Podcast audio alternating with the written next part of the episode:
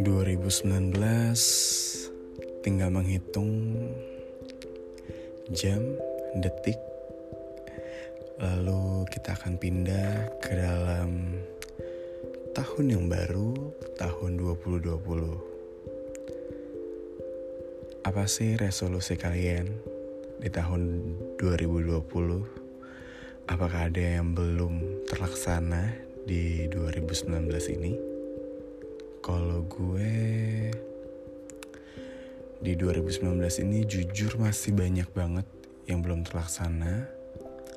Masih banyak banget hal-hal yang belum gue lakukan dan masih banyak banget potensi-potensi dari diri gue yang belum bisa gue kembangkan di tahun ini serta masih belum terselesaikannya beberapa bisnis-bisnis yang masih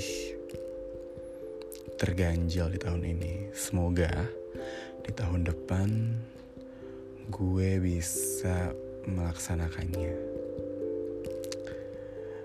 Lalu gue mau berterima kasih banyak buat 2019 ini karena dari 2009 ke 2019 satu tahun dekade satu dekade gue banyak banget perubahannya dalam diri gue. Dari jatuh bangun terus pahit manisnya kehidupan segala macam udah gue laluin di dekade ini. Terima kasih banyak buat 2019 the end of decade terima kasih banyak buat gue terutama badan gue jiwa gue raga gue pikiran gue Terima kasih banget Ram. Lo udah survive Di tahun 2019 ini. Terima kasih banyak Untuk dekade Ini Ram. Lo udah berjuang semaksimal mungkin. Tinggal lo lanjutin Jangan pernah patah semangat. Terus eksplor apa yang lo punya. Karena Tuhan pasti tahu kita sedang berusaha karena usaha itu nggak akan mengkhianati hasil dan terima kasih buat Allah Subhanahu Wa Taala karena telah memberikan gue hati yang tough, brave, keberanian segala macam semuanya jadi satu di diri gue. Terima kasih banyak untuk dekade satu dekade ini.